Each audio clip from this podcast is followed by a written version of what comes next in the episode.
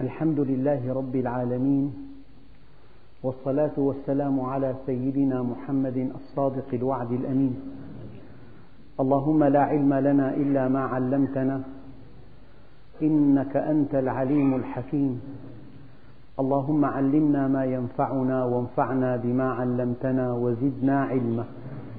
وأرنا الحق حقا وارزقنا اتباعه. وأرنا الباطل باطلا وارزقنا اجتنابه. واجعلنا ممن يستمعون القول فيتبعون أحسنه وأدخلنا برحمتك في عبادك الصالحين. أيها الإخوة المؤمنون مع الدرس الرابع من سورة فصلت ومع الآية الخامسة والعشرين وهي قوله تعالى وقيضنا لهم قرناء فزينوا لهم ما بين أيديهم وما خلفهم وحق عليهم القول في أمم قد خلت من قبلهم من الجن والإنس إنهم كانوا خاسرين. وقبل هذه الآية حينما قال الله عز وجل وقالوا ويوم يحشر أعداء الله إلى النار فهم يوزعون حتى إذا ما جاءوها شهد عليهم سمعهم وأبصارهم وجلودهم بما كانوا يعملون وقالوا لجلودهم لم شهدتم علينا؟ قالوا أنطقنا الله الذي أنطق كل شيء وهو خلقكم أول مرة وإليه ترجعون وما كنتم تستترون أن يشهد عليكم سمعكم ولا أبصاركم ولا جلودكم ولكن, ولكن ظننتم أن الله لا يعلم كثيرا مما تعملون. دققوا في هذه الآية. ولكن ظننتم أن الله لا يعلم كثيرا مما تعملون وذلكم ظنكم الذي ظننتم بربكم أرداكم فأصبحتم من الخاسرين. ماذا نفهم من هاتين الآيتين؟ الإنسان إذا ظن بالله غير الحق هذا الظن غير الحق قد يرديه وقد يهلكه وقد يوصله إلى النار الجاهل أيها الإخوة جعبته ممتلئة بالمعلومات لكن هذه المعلومات ليست صحيحة الإنسان أحيانا يتوهم أنه يعرف وهو لا يعرف. يظن بالله غير الحق ظن الجاهلية. يظن أن الله سبحانه وتعالى خلق الإنسان كافرا. وهذا الإنسان لا جريرة له بهذا الكفر لكن الله قدر عليه ذلك. خلقه كافرا ولما جاء إلى الدنيا نفذ مشيئة الله عز وجل ثم استحق النار إلى الأبد. هذا الظن بالله هو الذي يردي صاحبه. فالإنسان يجب أن يدقق في عقيدته. لعل في عقيدته بعض الظن السوء بالله عز وجل. الله عز وجل يقول ولله الأسماء الحسنى فادعوه بها. فالإنسان عليه أن يراجع ما تسرب إلى عقله من عقائد زائغة أو عقائد فاسدة.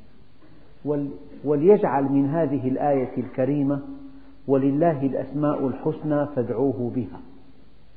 إن الله لا يظلم الناس شيئا. وما كان الله ليظلمهم.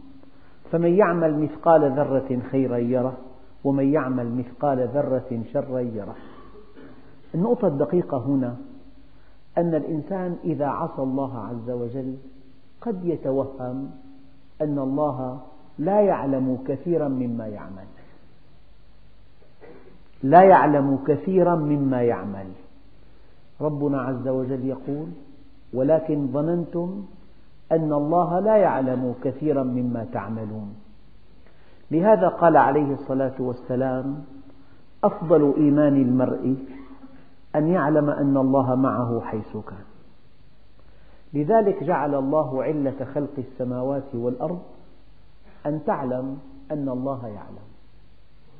أنت إذا علمت أن إنسانا قويا يعلم تنضبط إنسان من جلدتك من بني جلدتك. إنسان ضعيف مثلك. إنسان سيموت مثلك لكنه الآن أقوى منك. إذا علمت أنه يعلم وهو قادر على أن يفعل ما يفعل أنت لن تعصي هذا الإنسان. فكيف إذا علمت أن الله يعلم؟ أنت مكشوف.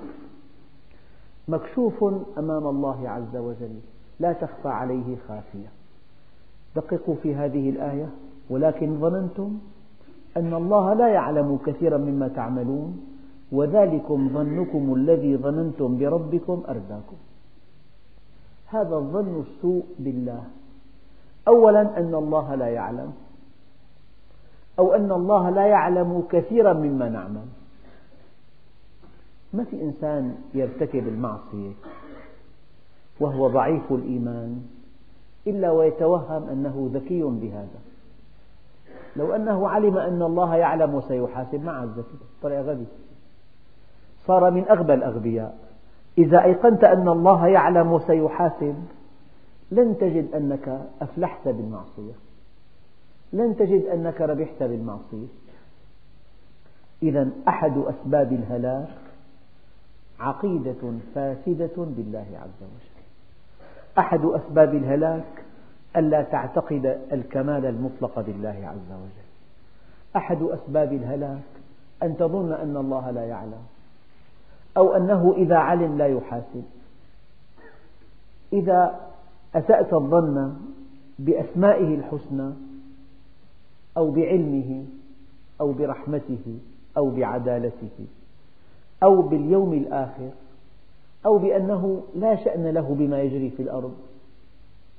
الله عز وجل يقول وهو الذي في السماء إله وفي الأرض إله. فالنقطة الدقيقة جدا هنا أنك إذا ظننت أن الله لا يعلم قد تفعل قد ترتكب المعاصي ولن يرتكب أحد المعصية إلا إذا ظن أن واضع هذا القانون غير موجود. أبدا. متى تتجاوز الإشارة الحمراء؟ الساعة الثالثة ليلا. لماذا؟ ليس هناك شرطة الآن الذي وضع قانون السير لا يعلم من يخالف في هذا الوقت. إذا نخالف. أما إذا علمت أن الذي وضع هذا القانون يعلم لا يمكن أن تخالف. هذا مع إنسان. فكيف مع الواحد الديان؟ هذا مع إنسان من بني البشر. لكنه أقوى منك قليلا. وبإمكانه أن يوقع بك الأذى كثيرا أو قليلا. ومع ذلك لا تعصيه. لا تعصيه. قال وذلكم ظنكم الذي ظننتم بربكم أرداكم لو استعرضنا بعض العقائد الزائغة أن الإنسان قد يفعل ما يفعل وقد يرتكب ما يرتكب وقد يرتكب حتى الكبائر بمجرد أنه منتسب إلى هذه الأمة الإسلامية فسوف تناله شفاعة النبي. انتهى الدين كله. هذه أحد العقائد الزائغة. شفاعة النبي حق ولكن ليست بهذه الصورة الساذجة. ليس النبي يشفع لمن مات مشركا. لا, لا ينال شفاعة النبي إلا من مات غير مشرك إلا من مات مخلصا إلا من مات طائعا. الآن فإن يصبروا فالنار مثوى لهم وإن يستعتبوا فما هم من المعتبين الصبر في الدنيا ينتهي إلى الفرج. فالإنسان يتحمل بعض المتاعب على أمل أن, ينال أن يناله الفرج. لكن الصبر على النار ليس بعده إلا النار. هذا الصبر الذي لا شيء وراءه. فإن يصبروا فالنار مثوى لهم. يعني إنسان ساقوا للإعدام بيرغب يصبر أو لا يصبر لا بد من أن يعدم. بيضحك بيبكي بيتوسل بيتماسك بيتحدى بيشتم بيسترحم كله مثل بعض. وصل إلى الطريق المسدود. يعني أخطر شيء الإنسان يصل مع الله إلى طريق مسدود. قال فإن يصبروا فالنار مثوى لهم. وإن يستعتبوا فما هم من المعتبين. العتاب ينقطع. لماذا؟ أنت تعاتب من ترجو فيه الخير. أنت تعاتب من ترجو فيه الصلاح. لكن إذا مات الإنسان وختم عمله وضيع الآخرة الثمينة بالدنيا التافهة فالفرص الخلاص انتهت فرص النجاح انتهت فرص المغفرة انتهت فرص التوبة انتهت. فالعتاب لا معنى له. يعني أحيانا تلاحظ أب حينما يتلقى نتيجة ابنه أنه راتب. انتهى العتاب. قد يعاتبه قبل الامتحان لعله يضاعف جهوده. قد يعاتبه في الوقت المناسب لعله يتدارك النقص. أما حينما يقدم الامتحان ويرسب وهذه السنة الثانية في الرسوب ولا بد له من أن يفصل من هذه المدرسة ومن كل المدارس. قد يسكت الأب. لا لأن ابنه لم يفعل شيئا بل لأن العتاب لا يجدي ولا ينفع. فإن يصبروا فالنار مثوى لهم وإن يستعتبوا فما هم من المعتبين. وقيضنا لهم قرناء فزينوا لهم ما بين أيديهم وما خلفهم وحق عليهم القول في أمم قد خلت من قبلهم من الجن والإنس إنهم كانوا خاسرين. الحقيقة أن الإنسان إما أن ملكا يلهمه رشده أو أن شيطانا يوسوس له. شاءت حكمة الله عز وجل أن يجعل لهذا الإنسان ملكا يلهمه الخير وشيطانا يوسوس له الشر وهو مخير. لا الشيطان يستطيع أن يفعل به شيئا إلا أن يوسوس. وأدق آية في هذا الموضوع تكشف لنا حقيقة هذه الآية. القرآن كما تعلمون سمي, بالسبع المثاني. أي أن كل آية تنثني على أختها فتفسرها. وقال الشيطان لما قضي الأمر إن الله وعدكم وعد الحق ووعدتكم فأخلفتكم. وما كان لي عليكم من سلطان. كل إنسان يرتكب معصية ويقول الله يلعن الشيطان فهو إنسان جاهل. لأن الله سبحانه وتعالى يبين هذه الحقيقة الخطيرة. وما كان لي عليكم من سلطان إلا أن دعوتكم فاستجبتم لي. فلا تلوموني ولوموا أنفسكم. إنسان نزل بحفرة من المياه السوداء ويرتدي أجمل الثياب البيضاء والمياه سوداء مياه مجاري. فذهب إلى المخفر ليشتكي على من كان السبب. سأله المحقق يعني هذا رجل دفعك إلى هذه الحفرة؟ قال لا والله حرام. قال له شهر عليك مسدسا وقال لك انزل. قال لا والله لم يفعل هذا. قال له لم تشتكي علي؟ قال لي انزل فنزلت. قال لي انزل فنزلت. وما كان لي عليكم من سلطان إلا أن دعوتكم فاستجبتم لي.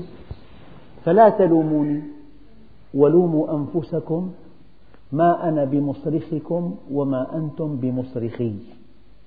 إني كفرت بما أشركتموني من قبل. إذا وقيضنا لهم قرناء. القرناء فزينوا لهم ما بين أيديهم وما خلفهم.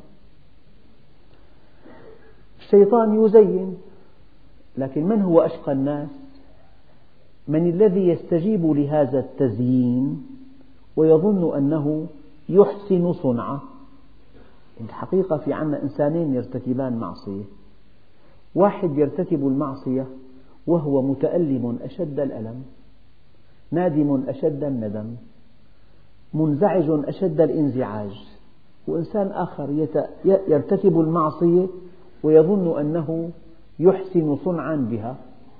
يظن أن هذه الحياة هكذا الحياة هكذا الواقعية هكذا الحضارة هكذا الرقي.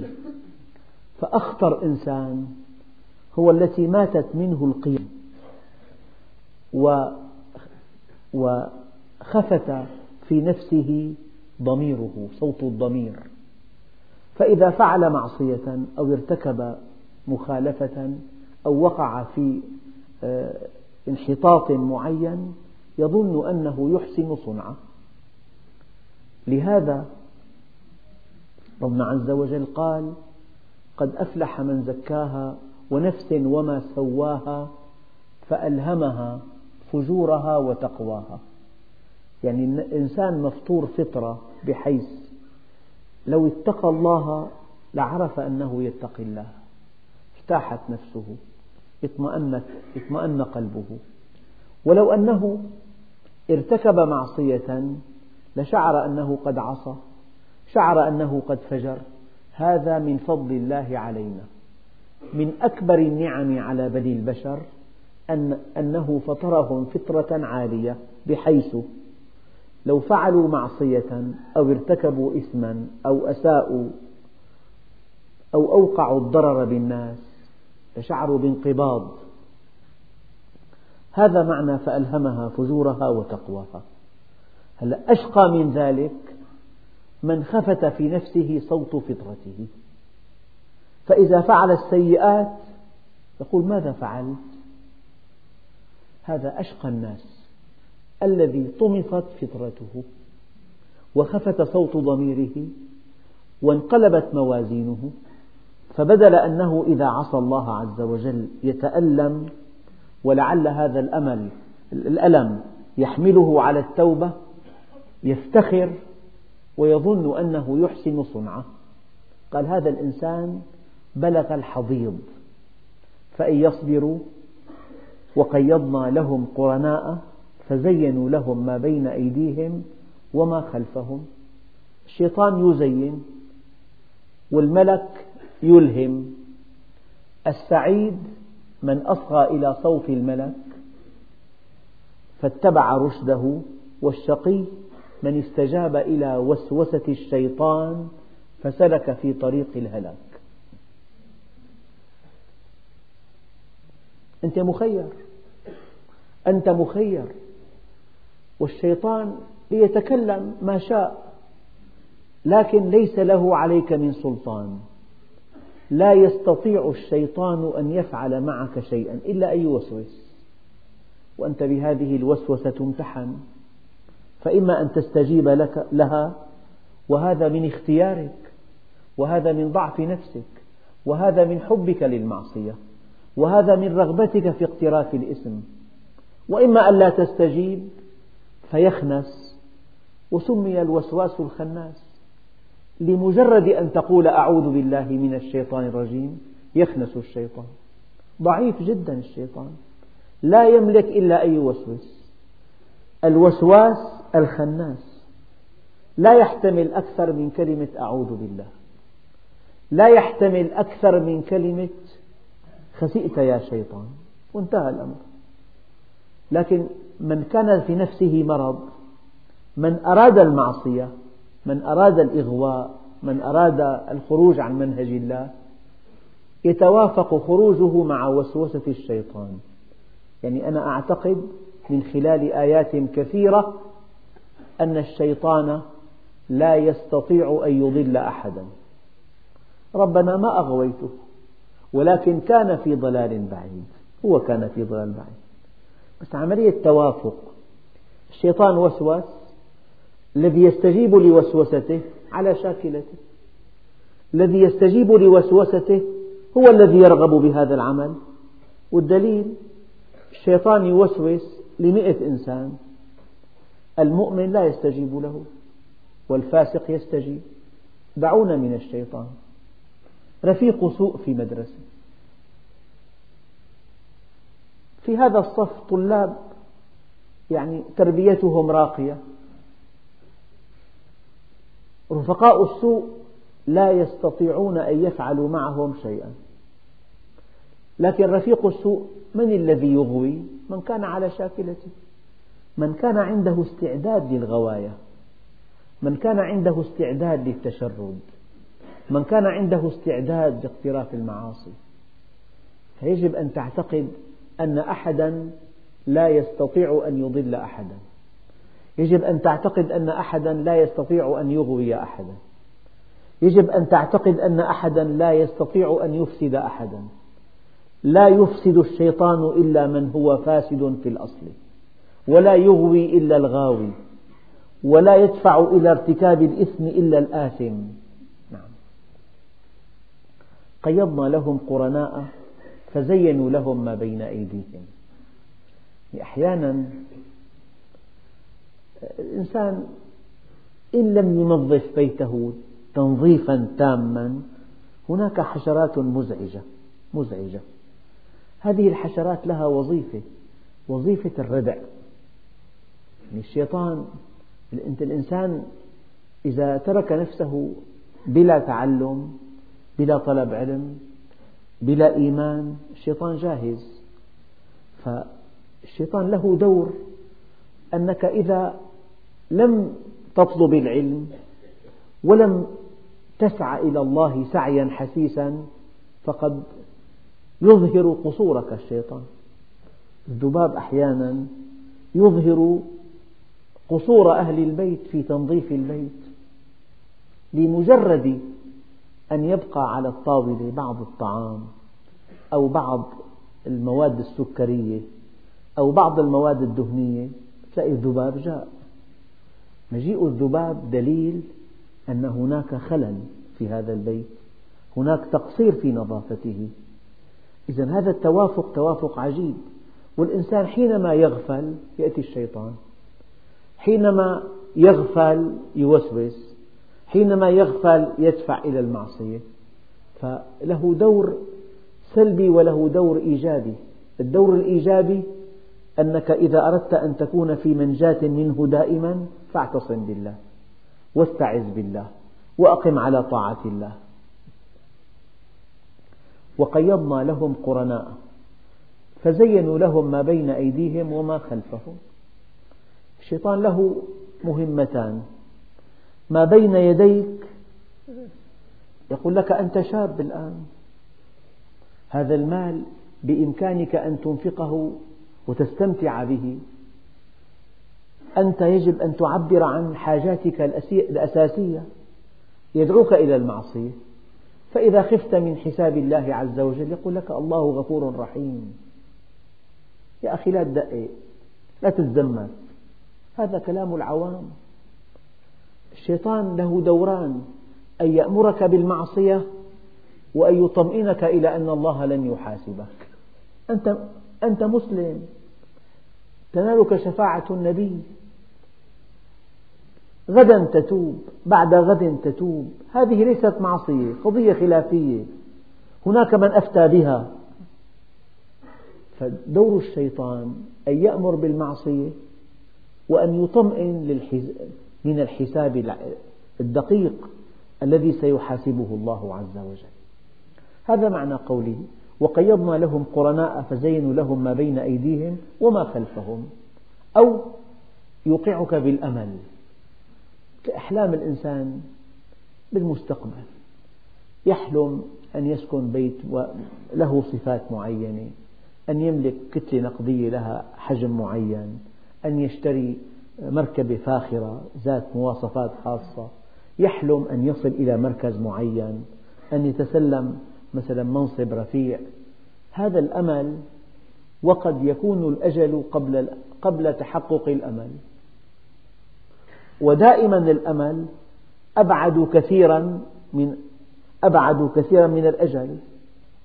ما في إنسان مات إلا وله آمال تزيد عن عشرين عام عن ثلاثين عام. أكفان هذا الإنسان نسجت وهو يأمل بالدنيا وهو لا يدري. وشيء بين أيدينا؟ مغادرة الدنيا تتم بثانية واحدة ثانية واحدة. من دون إنذار مسبق. يعني في حالات موت تأتي بعد مرض عضال وفي حالات موت تأتي بلا, بلا, بلا مسببات. البارحة كنا في, في نزهة معا. قبل قليل كان معنا يتحدث. لا يشكو شيئا. مغادرة سريعة. وقيضنا لهم قرناء فزينوا لهم ما بين أيديهم وما خلفهم. يعني ما خلفهم إما أنه يخفف عليك من من حساب الله يمنيك بالشفاعة تارة وبالعفو تارة والمغفرة تارة أو أن الله لا يحاسب بهذه الطريقة هذه طريقة مو معقولة. أو أنه يزين لك الحاضر والمستقبل يوقعك بالأمل. إما أنه يدفعك إلى معصية ويخفف عن كاهلك أعباء العقاب. أو أنه يزين ما بين يديك وما خلفك ما بعد ما بين يديك. وحق عليهم القول في أمم قد خلت من قبلهم من الجن والإنس إنهم كانوا خاسرين. معنى حق عليهم القول يعني الله عز وجل له سنن له قوانين ثابتة. فكل إنسان أعرض عن الله عز وجل وانكب على الدنيا وحجب نفسه عن ربه وغرق في المعاصي. ينطبق عليه القانون الإلهي. هذا حينما حجب نفسه عن الله صار أعمى. فلما صار أعمى حركته شهواته فقط وشهواته ليس لها حدود. لا بد من أن يأخذ ما له وما ليس له. وأن لا يقنع بما أحل الله له يعتدي على أعراض الناس. لأنه وقع في العمى والشهوة مستعرة. استعار الشهوة مع العمى يعني محرك قوي جدا والسائق مغمض العينين والطريق كله منعطفات. فالحادث حتمي أبدا. إذا الإنسان شهوته مستعرة وإيمانه ضعيف أو معدوم وبصيرته منطمسة والطريق في مفاجآت وفي التواءات وفي مطبات. فالهلاك محقق. هي معنى وحق عليهم القول في أمم قد خلت من قبلهم من الجن والإنس. هلا أنت يقول لو لو أن أحدا قال لك فلان ركب مركبة انطلق بها في منحدر شديد وفي نهاية هذا المنحدر منعطف شديد ومكبحه معطل. أنت الحادث ما شفته؟ تقول التدهور محقق. أبدا. ما دام في انطلاق سريع والطريق هبوطه شديد وينتهي بمنعطف حاد ومكبح ما في فالحادث حتمي. قانون هذا. يعني قضية سهلة. الله وضع قوانين. ومن أعرض عن ذكري فإن له معيشة ضنكا ونحشره يوم القيامة أعمى. قال رب لم حشرتني أعمى؟ وقد كنت بصيرا. قال كذلك لم تكن بصيرا كنت أعمى. فمعناها الإنسان إذا أعرض عن ذكر الله صار أعمى. معناها عقل الإنسان شوف عقل الإنسان كعينه تماما. كيف أن هذه العين لو كانت 12 على 12 يم هو طبعا عشرة أعلى درجة بالعين بس في حالات باللوحات الفحص في حرف بآخر سطر إذا عرفت جهته يقول لك 12 على 12 12 على 10 لو أن العينين تتمتع بأعلى درجة رؤية وأدق درجة بس ما في ضوء ما في نور لا ترى شيئا بهما على دقتهما. فكذلك العقل. لو في عقل ذكي جدا إذا ما في نور إلهي هدى من الله العقل قد يضل. وهذه أوروبا أمامكم. الأسرة انتهت. لنهاية هذا القرن في عشرين مليون مصاب بالإيدز. كل دقيقة يموت إنسان. أين عقلهم؟ ضلوا. هداهم عقلهم إلى أن الشهوة هي إلههم. هداهم عقلهم إلى أن الدنيا هي كل شيء.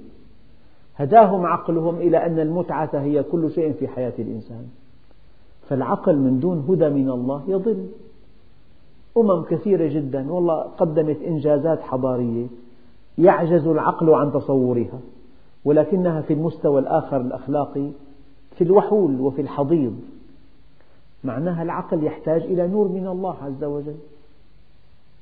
إذا هذه الأمم حق عليها القول وحق عليهم القول في أمم قد خلت من قبلهم من الجن والإنس إنهم كانوا خاسرين. يعني اجهد ألا تنطبق عليك قوانين الله. نحن أيام بالتعامل اليومي بتحاول تعمل واسطة لإدخال طالب للجامعة. مستحيل هي علامات. مستحيل. قانون هذا. القانون انطبق عليك فحرمك من الدخول للجامعة. علاماتك قليلة فهنا حق عليهم القول. يعني مو الله عز وجل قدر عليهم هذا الشقاء. لا حاشا لله. لكن انطبقت عليهم قوانين الله. أعرضوا عن الله عز وجل فكانوا في عمى فلما كانوا في عمى وفيهم شهوات مستعرة تحركوا التحرك بلا مقود أو بلا بصيرة أو بلا نور مصيره إلى الهلاك. وقال الذين كفروا لا تسمعوا لهذا القرآن والغوا فيه لعلكم تغلبون. الكافر مشكلته ليس ضالا فحسب لكنه ضال مضل. وليس فاسدا فحسب بل هو فاسد مفسد. وليس منحرفا فحسب بل هو منحرف ويدعو للانحراف. فهؤلاء الكفار وقال الذين كفروا لا تسمعوا لهذا القرآن لأن الكافر يبغي يبغونها عوجا. القرآن مبادئ قوانين أوامر نواهي حدود. منهج دستور نظام يضمن للجميع سعادتهم. هم شهوتهم تقودهم أهدافهم دنيوية. يحبون أن ينغمسوا في الملذات إلى قمة رؤوسهم. ما الذي يعطل عليهم رغبتهم؟ منهج الله عز وجل. إذا لا بد من محاربته. القرآن يأمر بغض البصر. هم يجدون متعة بالغة في إطلاق البصر. القرآن يأمر بالكسب الحلال. هم يجدون متعة بالغة في الكسب الحرام. القرآن يأمرهم بعدم إيذاء الآخرين. هم يبنون أمجادهم على أنقاض الآخرين. القرآن يأمرهم أن يقفوا عند حدود الله. هم يريدون أن يتحركوا كالدواب المنفلتة. فطبعا نظام شهواتهم وعقيدتهم القائلة بأن الدنيا هي كل شيء وأن الموت نهاية كل شيء وأن الآخرة سراب في سراب. هذه العقائد وتلك الشهوات لا يناسبها القرآن. القرآن منهج القرآن منظومة قيم مجموعة أوامر مجموعة نواهي.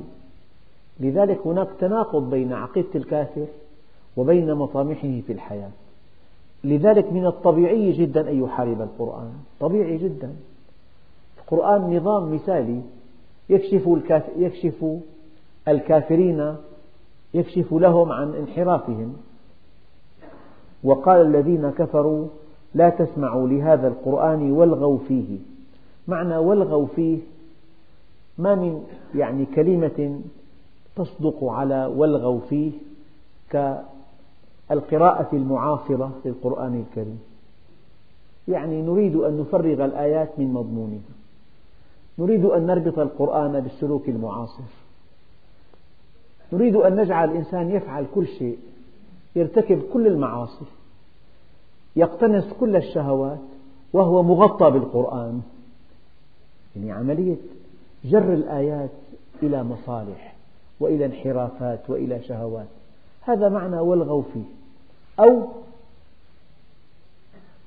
لا تسمعوا لهذا القرآن وأتوا بكلام آخر لينشغل الناس به. في قرآن وفي غناء في شعر. لا يقدم للإنسان شيئا. إما أن تأتي بكلام من أجل أن تشغب على القرآن من أجل أن تصرف الناس عن القرآن وإما أن تحاول أن تؤول القرآن تأويلا غير صحيح. إما أن تفجره من داخله وإما أن تعطله. وإما أن تشاغب عليه. كثير في أحيانا نحن نرغب ألا نسمع الناس. هذا البث نشوش عليه تشويش. فالكافر ماذا يفعل؟ يشوش على القرآن. بأن يأتي بأشياء مناقضة له. القرآن يقول الإنسان أصله من آدم وحواء يقول لا الإنسان أصله, أصله قرد هكذا قال داروين. هذه النظرية تشوش على الكتاب تفسيره لبدء الخلق. القرآن يقول لك الآجال محدودة. لا هذا الدواء يطيل العمر. القرآن يقول غضوا أبصاركم. يقول لا هذا جمال استمتع به. أنت إنسان. عندك حاجات. فالكافر دائما يأتي بنظريات وبتعليلات وبتوجيهات تناقض القرآن الكريم. فهذا معنى قوله والغوا فيه شوشوا عليه يعني. يعني أو انقضوا ما فيه أو عطلوه. يعني عملية محاربة للقرآن الكريم. إما أن نقول هذا الكلام ليس كلام الله أو أنه لا يصلح لهذا الزمان. أو أن فيه تناقضات كثيرة جدا أو أنه كتاب تاريخي وانتهى, وانتهى أجله أو أن نأتي بتأويلات لآيات القرآن الكريم تفسد معناها الحقيقي أو أن نربط هذا القرآن بالسلوك المعاصر وب أو أن نفرغ الآيات من مضمونها. هذا كله محاولات الكفار للنيل من هذا الكتاب. لكنه والحمد لله شامخ كالطود. وكلما يعني ائتمر الكفار على التشويش عليه ما زادوه إلا قوة وما زادوه إلا وضوحا. قال لو تحول الناس جميعا إلى كناسين ليغبروا على الإسلام ما غبروا إلا على أنفسهم. ما ضر السحاب وهي في السماء نبح الكلاب وهي في الأرض. ما ضره السحاب سحاب في السماء والكلاب في الأرض. وقال الذين كفروا لا تسمعوا لهذا القرآن والغوا فيه لعلكم تغلبون. يقول الله عز وجل فلنذيقن الذين كفروا عذابا شديدا ولنجزينهم أسوأ الذي كانوا يعملون. هذا وعيد من الله عز وجل. يعني الإنسان ليتحرك ما شاء له التحرك. أما أن يقف في خندق معاد للدين فهذا من أشقى الناس لأن هذا الدين دين الله والله سبحانه وتعالى يقسم أعداءه. الإنسان يتحرك لكن أنه يجعل نشاطه في معاداة الدين معاداة هذا الكتاب الكريم معاداة أهل الحق معاداة الدعاة الصادقين هذا من أشقى الناس. ذلك جزاء أعداء الله النار. ذلك جزاء أعداء الله النار لهم فيها دار الخلد جزاء بما كانوا بآياتنا يجحدون. الحقيقة أن الله سبحانه وتعالى يقول العاقبة للمتقين وللباطل جولة ثم يضمحل. وكلكم يعلم أن البشرية مهما ابتعدت عن الدين لا بد من أن تعود إليه لأنه ملاذها في النهاية. وقد أتى على الناس وقت تألقت فيه المبادئ الوضعية وأعرضوا عن دين الله عز وجل. لكن هذه المبادئ الوضعية ما لبثت أن انهارت ومحلت وظهرت تناقضاتها وأصبحت تدوسها الأقدام ولم يبق أمام الناس كحل لما هم فيه وكخلاص لمحنتهم إلا أن يعودوا إلى الله عز وجل. أما قوله تعالى فلنذيقن الذين كفروا عذابا شديدا. ألا ترون أيها الإخوة؟ إلى الكوارث التي تقع من حين لآخر ولا سيما في بلاد كفرت بربها وانحرفت انحرافا شديدا. البلاد التي تحتضن الانحرافات الأخلاقية ترعى كل المعاصي فيها قلاع آه، عتيدة ترتكب فيها المعاصي.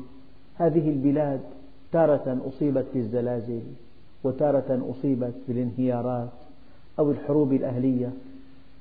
هذا معنى قول الله عز وجل فلنذيقن الذين كفروا عذابا شديدا ألم يقل الله عز وجل ضرب الله مثلا قرية كانت آمنة مطمئنة يأتيها رزقها رغدا من كل مكان فكفرت بأنعم الله فأذاقها الله لباس الجوع والخوف بما كانوا يصنعون يعني التاريخ المعاصر مليء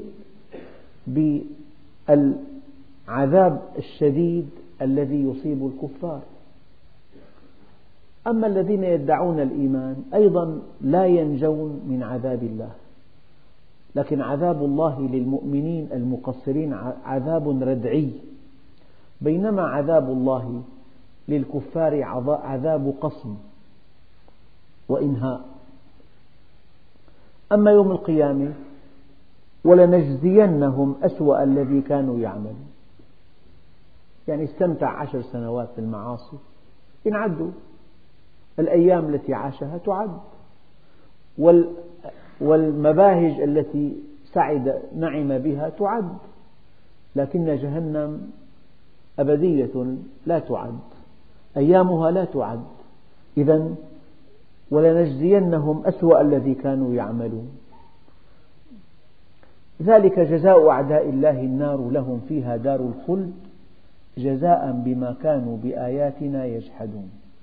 حقيقة الجحود بالآيات أول الطريق. جحد بالآيات أي لم يؤمن بالله عز وجل من خلال جحوده بالآيات. إن لم يؤمن بالله عز وجل وفي شهوات متقدة انطلق وراء شهواته. من من لوازم اتباع الشهوات الطغيان الشهوة عمياء الشهوة عمياء. شهوة من دون منهج شهوة من دون قرآن طبعا طاغية. الطغيان في معه ظلم والظلم مصيره العقاب الأليم. إذا ذلك جزاء أعداء الله النار. لهم فيها دار الخلد جزاء بما كانوا بآياتنا يجحدون. الحقيقة الله ذكر أول الذنب أما البقية واضحة. جحد بالآيات فارتكب المعاصي والموبقات وطغى وبغى ونسي المبتدأ والمنتهى فاستحق هذا العذاب الأليم الأبدي السرمدي. وقال الذين كفروا ربنا أرنا اللذين أضلانا من الجن والإنس نجعلهما تحت أقدامنا ليكونا من الأسفلين.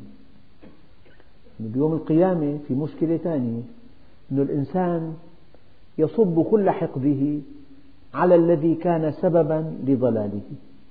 وقبل قليل ذكرت لكم أن أحدا لا يستطيع أن يضل أحدا لكن توافق رغبات توافق ميول. لكن الإنسان بساعة من ساعات ألمه الشديد يتكلم كلام لا معنى له. يعني وقال الذين كفروا ربنا أرنا اللذين أضلانا من, الإنس من الجن والإنس نجعلهما تحت أقدامنا ليكونا من الأسفلين. في الدرس القادم إن شاء الله تعالى ننتقل إلى صورة أخرى. هنا هؤلاء القرناء كيف يوسوسون؟ وكيف يدفعون الإنسان إلى المعصية؟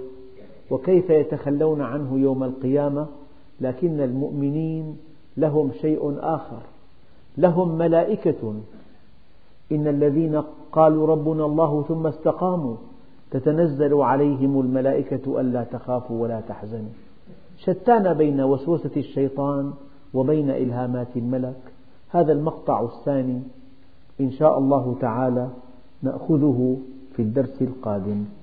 والحمد لله رب العالمين.